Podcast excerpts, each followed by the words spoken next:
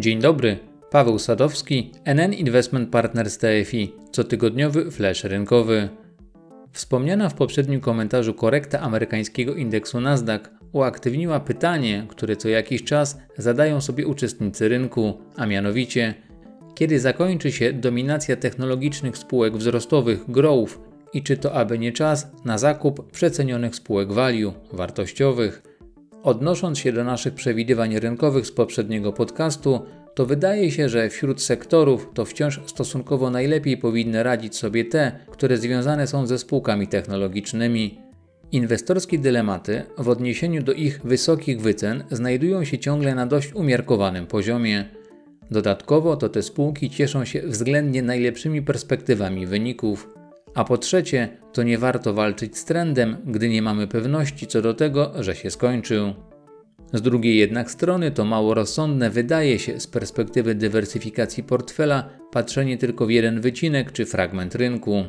W nawiązaniu do przysłowia, że żadne drzewo nie rośnie do nieba, to pewnie ta supremacja spółek wzrostowych też będzie miała kiedyś swój koniec. Od poprzedniego kryzysu, którego 12. rocznicę obchodziliśmy 15 września, przypomnę, że tego dnia potwierdziły się pogłoski o bankructwie czwartego największego banku inwestycyjnego w USA, to akcje spółek wartościowych, które charakteryzują się wyższą stopą dywidendy oraz mają wieloletnio ugruntowaną rynkową pozycję, nie cieszą się popularnością wśród inwestorów.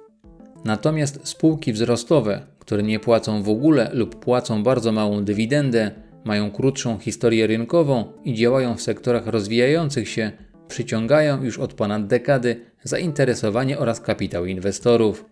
Obecnie, jeszcze nigdy w historii amerykańskiej giełdy, inwestycja w akcje typu value, wartościowe, nie była aż o tyle procent gorsza od inwestycji w spółki typu growth, wzrostowe. Aktualna różnica w annualizowanej 10-letniej stopie zwrotu wynosi aż minus 6 punktów procentowych. Kiedy zatem ten trend może odwrócić się? Patrząc na historyczne zależności, to niewykluczone, że jednym z kluczowych parametrów, który może przyczynić się w przyszłości do zakończenia dobrej pasy spółek wzrostowych, może być wzrost kosztu pieniądza. Według statystyk to spółki growth były lepszą inwestycją od spółek value na przełomie lat 50. i 60. oraz pod koniec lat 90. zeszłego stulecia. Stopy procentowe amerykańskiego banku centralnego były w tamtych okresach na bardzo niskim poziomie. Z podobną sytuacją mamy do czynienia obecnie. Zważywszy na to, że spółki wzrostowe działają w sektorach rozwijających się, to do dynamicznej ekspansji potrzebują taniego kapitału. Można zatem przyjąć, że w środowisku niskich stóp procentowych to właśnie te spółki powinny przynosić wyższe stopy zwrotu niż spółki wartościowe. Jeżeli ta hipoteza jest prawdziwa, to zmiany w trendzie zachowania tych dwóch typów spółek powinny nastąpić, gdy instytucje odpowiedzialne za prowadzenie polityki monetarnej zaczną sygnalizować możliwość zmiany obecnej polityki niskich stóp procentowych. Patrząc jednak na negatywne zachowanie amerykańskiego oraz światowego PKB w tym roku, to można chyba śmiało założyć, że nic takiego nie nastąpi w perspektywie kilku czy kilkunastu miesięcy. Przewrotnie na koniec można dodać, że przecież zawsze jest jakieś ale w tym przypadku również. Poprzedni kryzys, o którym wspomniałem na początku dzisiejszego materiału, zapoczątkował ogromny dodruk pieniądza oraz wzrost wartości zadłużenia, które przybrały tylko na sile podczas obecnego kryzysu. W ciągu pierwszego kwartału bieżącego roku stosunek zadłużenia do PKB wzrósł o ponad 10 punktów procentowych, co stanowi największy kwartalny wzrost w historii. Globalne zadłużenie, wliczając dług rządów, banków, przedsiębiorstw oraz gospodarstw domowych, wzrosło do 258 bilionów dolarów, co stanowi 331% światowego PKB.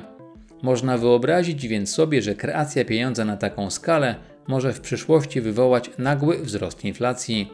A gdyby do tego doszło, to banki centralne zapewne zaczęłyby podnosić stopy procentowe. Jednak na tę chwilę jest to tylko jeden z możliwych scenariuszy, który nie znajduje i nie wiadomo czy i kiedy znajdzie potwierdzenie w rzeczywistości. Dlatego też, jeżeli trend przewagi spółek wzrostowych nad wartościowymi miałby zakończyć się w najbliższej przyszłości, to nie z powodu zaostrzenia polityki monetarnej. To tyle na dzisiaj i do usłyszenia.